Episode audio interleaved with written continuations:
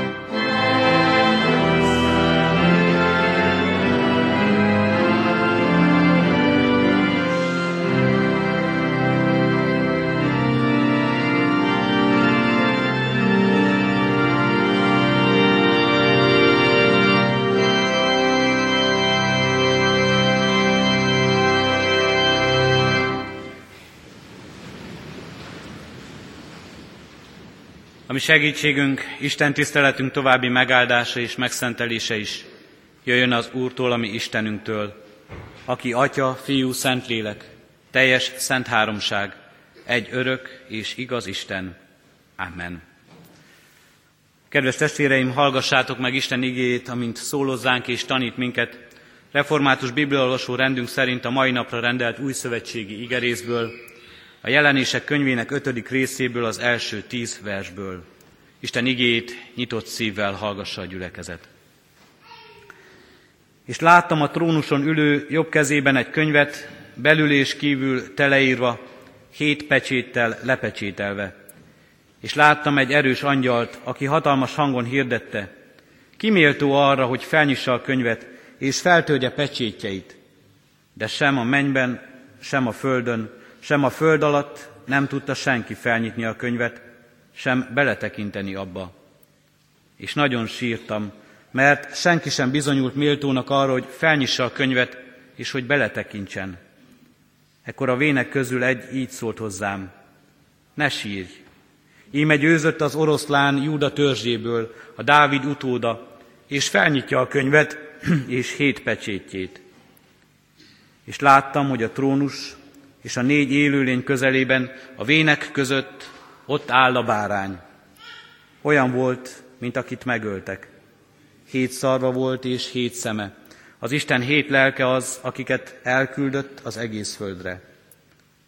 A bárány odament, és átvette a könyvet a trónuson ülő jobb kezéből, és amikor átvette a könyvet, a négy élőlény és a huszonnégy vén leborult a bárány előtt.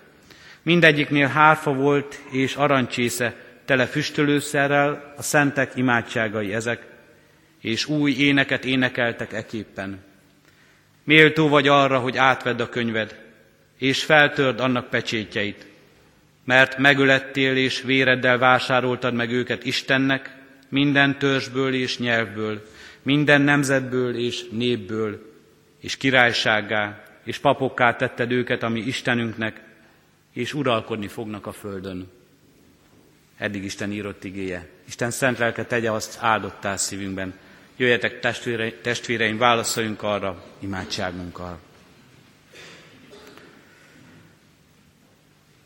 Urunk Istenünk, összegyűltünk, hogy Isten tiszteleten vegyünk részt, hogy tiszteletet, dicsőséget és magasztalást adjunk neked a te háromszor szent nevednek.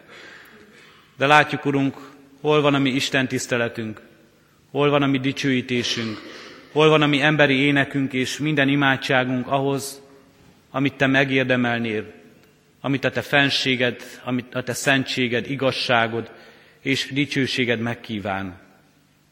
Gyarlók és esendők vagyunk, Urunk Istenünk.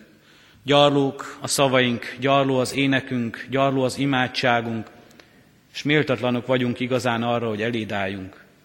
Ezért hát különösen köszönjük most, hogy mégis megtehetjük ezt, hogy összegyűjtöttél minket, és nem hagysz minket tanítás és igen és elküldött közénk a te szent lelkedet, hogy megszenteljen minket, hogy befogadhassuk, hogy megérthessük igédet. Látod, Urunk, kik és honnan jövünk, és milyen lélek lakozik bennünk. Kérünk és könyörgünk, Urunk, te tégy méltóvá minket arra, hogy az igét hallgassuk, az igét szívünkbe fogadjuk, és igéd szerint cselekedjünk és éljünk. Jöjj közénk, Atya, Fiú, Szentlélek Isten. Amen. Ige hallgatására készülve, testvéreim, a 331. dicséretünknek első versét énekeljük.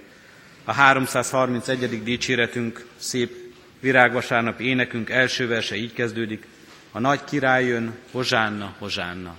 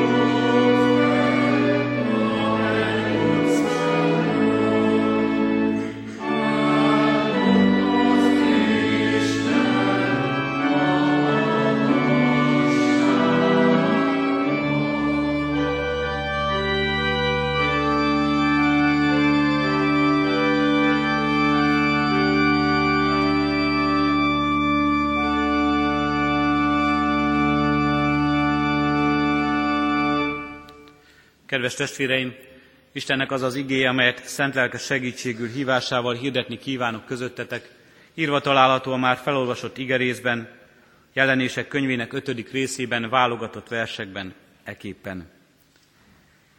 Kiméltó arra, hogy felnyissa a könyvet, és feltörje pecsétjeit.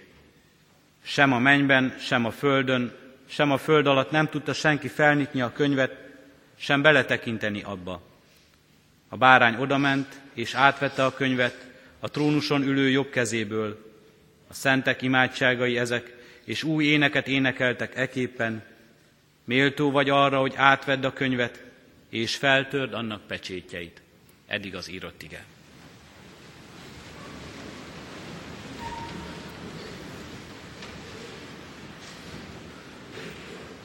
Kedves testvérek, virágvasárnapot ünneplő gyülekezet, jelenések könyvéből felolvasott hosszabb igerész, egy bonyolult, sűrű, nagyon látomásos kép, és talán ezt az igerészt halva meg is értjük, hogy sok ige hirdető retten vissza attól, hogy elkezdje magyarázni a jelenések könyvét, és hogy megpróbálja megmagyarázni ezeket a képeket, mi mit is akar jelenteni.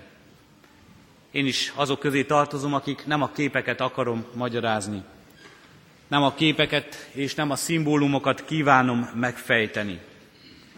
Ez a felolvasott igerész nem a klasszikus virágvasárnapi történet, talán könnyebb lenne abból olvasnunk Jézus Krisztus bevonulásáról Jeruzsálemben, és könnyebb lenne talán arról is szólni, mit jelent ez. De ez az igerész és Krisztus bevonulása mégis nagyon szorosan összetartozik, és remélem ki is derül majd ebből az igen magyarázatból, hogy mire gondolok. Első hallásra attól tartok, nem is volt teljesen követhető az ige gondolatmenete, hogy ki és hogyan, hol ül és mit csinál, ki szól és ki énekel ebben, és ki is jelenik meg a színen. De biztosan, és remélem megmaradt ebből a felolvasott igerészből, a jelenések könyvének ebből a látomásából először is egy kérdés, kiméltó arra, hogy felnyissa a könyvet. Bevallom, nekem ez a kérdés nem is a Szentírás alapján vált olyan hangsúlyossá, hanem sokkal inkább egy vers mélyített el bennem, melyet mióta először hallottam, újra és újra felidézek e történet kapcsán. A vers szerzője Pilinszki János, aki erről az igéről írt versében még inkább felerősíti a kérdést. A vers címe ez, Introitus. Kinyitja meg a betett könyvet. Kiszelgi meg a töretlen időt. Lapozza fel hajnaltól hajnalig, emelve, s ledöntve lapjait. Az ismeretlen tűzvészbe nyúlni kimerészel közülünk. És kimerészel a csukott könyv leveles sűrűjében, kimer kutatni, és hogy mer puszta kézzel.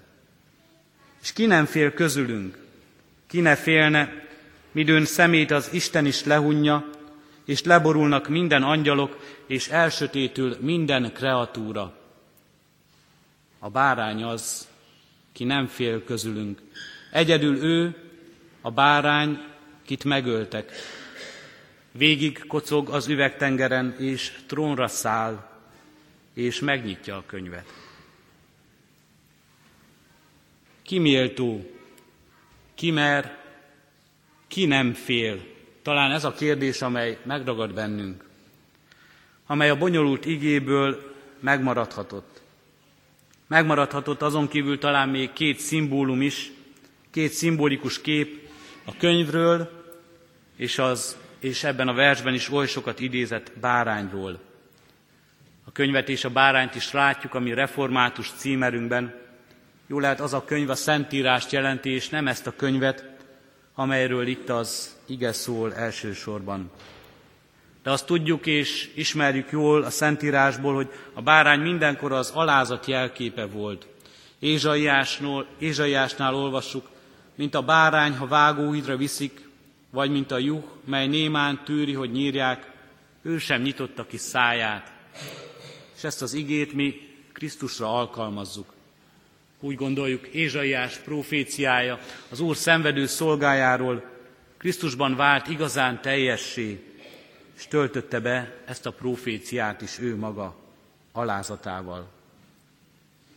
A jelenések könyveinek a részeiben egy mennyei Isten tisztelet kezdődik el, melybe a szerző az Isten lelkétől elragadtatva tekinthet bele. Ezen az Isten tiszteleten az Isten látható módon van jelen. A negyedik rész végén a verseket megelőzően ott látjuk a trónuson az örökké való urat, aki szent és mindenható, aki volt és aki van és aki eljövendő, aki örökké való Isten. Ott hódolnak előtte és ott énekelnek neki himnuszt a szentek. Most pedig a mai igerészünkben bevonul a mennyei Jeruzsálembe, megjelenik az Isten tiszteleten a fiú, és mint bárány foglalja el helyét ő is a trónon. Introitus, ez volt a vers címe. A latin misében az introitus a mise bevezető szakasza, amikor megjelennek a színen azok, akik szerepelnek. De nem csak emberileg jelennek meg ott a papok és a minisztránsok, hanem megjelenik az Úristen. Kezdetét veszi az, akit kezdetét veszi az Isten tisztelet, és megjelenik az, akit tisztelünk, aki előtt hódolunk. És megjelenik itt a mennyei Isten tiszteleten, és megjelenik, és bevonul a mennyei Jeruzsálembe a bárány, a fiú, és elfogja a helyét. Bárány képében ábrázolja itt ez a látomás. A kép bizarr, ha elképzeljük. Nem éppen egy uralmi jelkép, egy trónon ülő bárány, sokkal inkább illene ez a trónon ülő képhez, az uralkodáshoz az oroszlán, akit szintén említ itt az ige, ne sír íme győzött az oroszlán Júda törzséből a Dávid utóda, és felnyitja a könyvet és hét pecsétjét. Az oroszlán és a bárány ugyanaz, de mégis a bárányra koncentrálunk itt. Sokkal inkább illene valóban az oroszlán, és a királyi címerek állata általában az oroszlán szokott lenni. A virágvasárnapi bevonulás azonban nem úgy jelent meg, ahogyan ez ehhez a királyhoz illene, ahhoz, akinek oroszlán van a címer pajzsán. Amikor Jézus bevonult virágvasárnap Jeruzsálembe, ezt jövendőlte a próféta, íme királyod jön hozzád szelíden és szamáron ülve, igavonó állat csikóján. És valóban az őt fogadók közül sokan nem így szerették volna látni a messiás királyt. Nem szamár csikó hátán ülve, hanem sokkal inkább egy harci ménen ülve, aki rendet tesz, aki valóban uralkodik, aki legyőzi és kiűzi az ellenséget Jeruzsálemből. Krisztus szamárháton, az igazi Jeruzsálemben, a földi Jeruzsálemben, és a bárány a trónon, a mennyei Jeruzsálemben. Ebben a képben, mind a két képben kifejeződik az a botrány, kifejeződik az az alázat, kifejeződik az a paradoxon, ami majd igazán a keresztben csúcsosodik ki, hogy az Isten, a mindenható, az örökké való, a szent, a kereszten függ majd hatalom nélküli és gyenge emberi alakot öltve. Az ige mégis azt mondja itt, a jelenések könyvéből azt üzeni nekünk, hogy ő lesz a legbátrabb, és ő lesz a legméltóbb, az önmagát értünk feláldozó Krisztus, a bárány. Mit jelent ez a szó, hogy méltó? Használjuk, hogy valaki tiszteletre méltó, hogy valami figyelemre méltó. Régen a második világháború előtt még egészen természetes volt, hogy voltak méltóságos urak, akiknek ez volt a megszólításuk. Kötelező volt így szólítani őket. Ma sokszor azt mondjuk valamire, hogy említésre sem méltó. És sokszor ítéletet mondunk valaki fölött, hogy halálra méltó. Mit jelent ez a szó, hogy méltó? Kiérdemelni valamit, rang vagy cselekedeteink alapján. És mire vagyunk méltók mi, emberek? Mire vagyok méltó én? Mit érdemeltem ki? Van rangom? Vannak cselekedeteim, amelyek méltóvá tesznek engem valamire? És ha igen, akkor mire? Pozitív vagy negatív ez a dolog? A mérleg serpenyőjében hova kerülnék, ha így tekintene rám az Isten, kiértemeltem valamit rang vagy cselekedeteim alapján. Ebben a világban, amelyben élünk, a világunk, az életünk, a tülekedésünk arról szól, hogy szeretnénk méltóvá válni, vagy ha méltóvá nem is tudunk válni, szeretnénk méltónak látszani valamire, és hogy miként lehessen valami a dicsőségből, az elismerésből és a hatalomból, ha csak rész szerint is a miénk. Mindent megteszünk azért, hogy olyanok legyünk, olyannak látszódjunk önmagunk és mások előtt, mint akik hibátlanok, mint akik okosak, mint akik bölcsek és erősek, akik ezáltal méltóvá válunk arra, hogy mások tiszteljenek, hogy mások megbecsüljenek, hogy mások felnézzenek ránk. De ilyenek vagyunk valójában. Ilyenek vagyunk mindig, minden élethelyzetben. Mindig tudunk valóban hibátlanok lenni, okosak, bölcsek és erősek lenni. Ki ismer minket valójában? És ki az, aki minket valójában ismerve mégis hajlandó valamilyen méltósággal megajándékozni?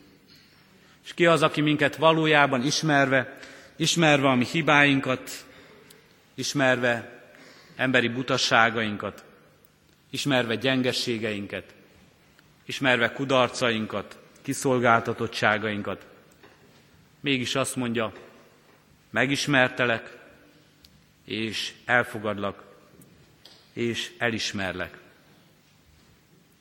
Erről a valakiről szól ez az ige. A bárányról, a Krisztusról, aki minket igazán ismer, és aki ismerve minket, mégis azt mondja, ott van az a méltóságod, hogy benne vagy abba a könyvbe, abba a hétpecsétes könyvbe, a megváltottak, az üdvözült sereg, üdvözültek seregébe, ott vagy, mert én adom neked ezt a rangot, mert én adom neked ezt a méltóságot. Krisztus érdemelte ki, hogy megnyissa a könyvet, és olvassa belőle azoknak neveit, akiknek életét vérével vásárolta meg. Nem más, egyedül Krisztus ez, sem király, sem uralkodó e földön, sem kormányfő, sem püspök. Senki más, csak Krisztus az, aki képes, akinek hatalma van, akinek bátorsága lehet megnyitni a könyvet. És benne ott van-e a mi nevünk? Ismerjük-e me, mi Krisztust? Ismerjük-e mi így, mint a megöletett bárányt, aki érettünk halt, és érettünk áldozta önmagát. Ismerjük-e mi úgy, mint aki megváltott és megszabadított, és aki üdvözít minket. Találkoztunk-e már így ezzel a bárányjal? Része az életünknek. Ismerjük-e őt, és ismere ő minket?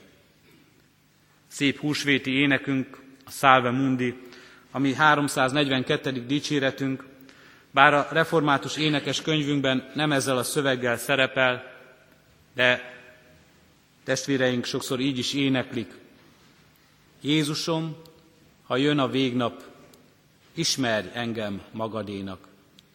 Homlokomon piros véred, tied vagyok, úgy ítélj meg, Jézus ad, hogy hozzád térjek, veled halljak, veled éljek. Engedjük most, engedjük, hogy Isten lelke járja át életünket, és átélessük, hogy ajándék az élet, az Isten ajándéka, az örök élet. Amen. A megkezdett 331. dicséretünknek negyedik versét énekeljük az ígére felelve. Ó édes Jézus, atyádnak szent fia!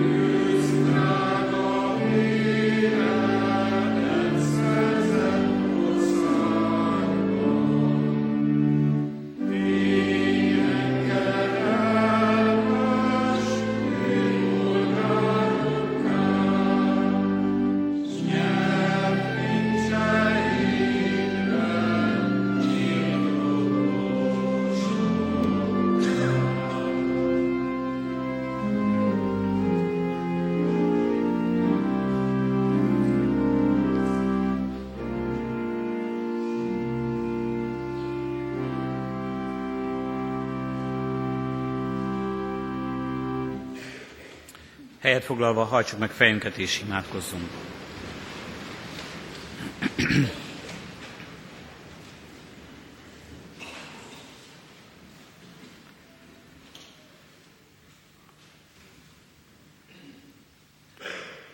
Urunk Istenünk, egyedül és csak egyedül Te ismersz minket igazán. Te ismered az életünk teljességét. Te látod, Urunk, az érzéseinket, a gondolatainkat. Te látod, Urunk, a vágyainkat. Te ismered a kétségeinket, hitünket és hitetlenségünket. Urunk Istenünk, Te még önmagunknál is sokkal jobban ismersz minket. Te előled még azt sem rejthetjük el, amit legszívesebben még magunk elől is rejtegetnénk. Ismersz, és mégis szeretsz minket. Áldunk és magasztalunk ezért a szeretetért.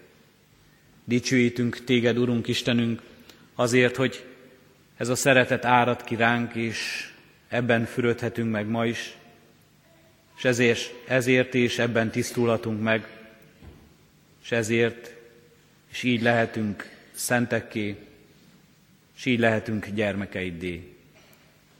És állunk és magasztalunk, Urunk Istenünk, hogy ez a kegyelem ma is és most is kiárad ránk. Köszönjük ennek jelét és ennek emlékeztetőjét az életünkben most a kerességet, amelyben most is azt érezhettük, hogy a mi szövetségünk is, melyet Te kötöttél velünk, és amelyhez Te mindvégig egész életünkben hűséges maradtál, megújult az életünkben.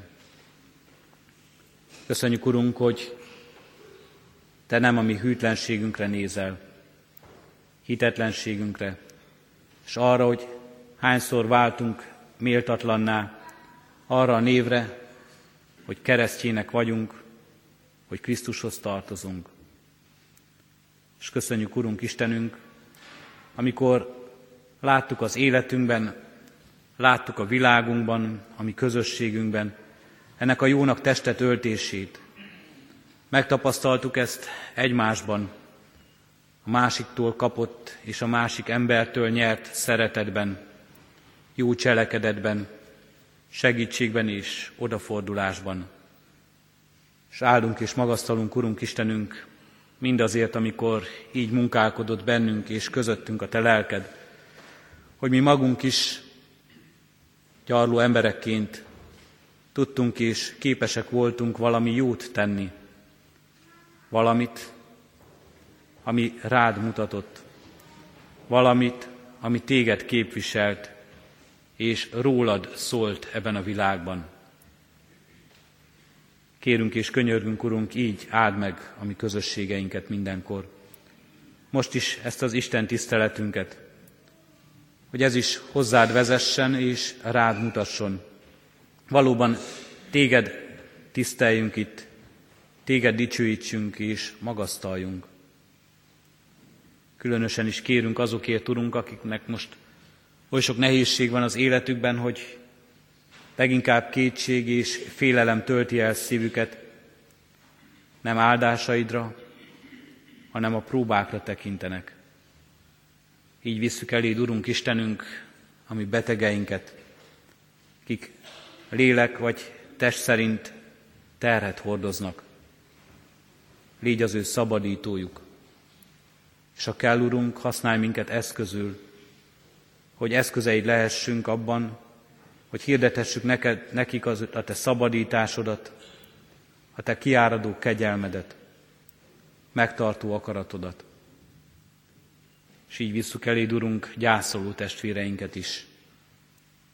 Urunk Istenünk, hát, hogy ott legyen szívükben az a reménység, amelyről ma is hallottunk, hogy Krisztus a bárány, és az ő megváltása és szeretete által az örökké valóság és az üdvösség lehet a miénk, mert benne is általa eltörlött bűneinket megbocsátasz nekünk, és gyermekeiddé fogadsz, és megszentelsz. Addurunk, hogy így helyezhessük le a Te kezedbe szeretteink életét és a mi életünket, és közösségünket is. Így kérünk és könyörgünk, Urunk, gyülekezetünkért, a mi szolgálatunkért és bizonyságtételünkért a városban. Valóban élhessünk a Te dicsőségedre. Kérünk és könyörgünk népünkért és nemzetünkért, és benne mindazokért, akik szolgálatot vállalnak, hogy valóban szolgálhassanak. Legyen bölcsességük, rád figyelésük, legyen előtted nyitott az életük, hogy a te vezedésedet elkérjék, és engedelmesek legyenek abban. És így kérünk, Urunk, e világért, amelyben oly sok az üldözött, a kiszolgáltatott, oly sok a szenvedést hordozó ember. Urunk Istenünk, hát, hogy ők is megtalálják benned az életnek teljességét, és az életnek forrását. Kérünk és könyörgünk, hallgass meg most csendes imádságunkat. Köszönjük, Urunk Istenünk, hogy megszólíthatunk téged, és te meghallgatsz minket. Amen. Fennállva együtt is imádkozzunk, ami Urunk Jézus Krisztustól tanult imádsággal. Mi, Atyánk, aki a mennyekben vagy, szenteltessék meg a Te neved. Jöjjön el a Te országod, legyen meg a Te akaratod, amint a mennyben, úgy a földön is. Mindennapi kenyerünket add meg nékünk ma, és bocsáss meg védkeinket, miképpen mi is megbocsátunk az ellenünk védkezőknek. És ne vigy minket kísértésbe, de szabadíts meg a gonosztól, mert Tiéd az ország, a hatalom és a dicsőség mind örökké. Amen. Az adakozás lehetőségét hirdetem testvéreim, mint Isten tiszteletünknek és élet, életünknek háladó részét. Szívünkben alázattal Urunk áldását fogadjuk. Ti azért növekedjetek a kegyelemben, és a mi Urunk üdvözítő Jézus Krisztusunknak ismeretében, övé a dicsőség most és örökkön örökké. Amen. Szárásként a 430. megkezdett dicséretünket énekeljük, negyedik és, negyedik, ötödik és hatodik verseivel, 430. dicséretünknek negyedik verse így kezdődik. Testtől születtem, s voltam. Bűnöm sírjában szinte megholtam.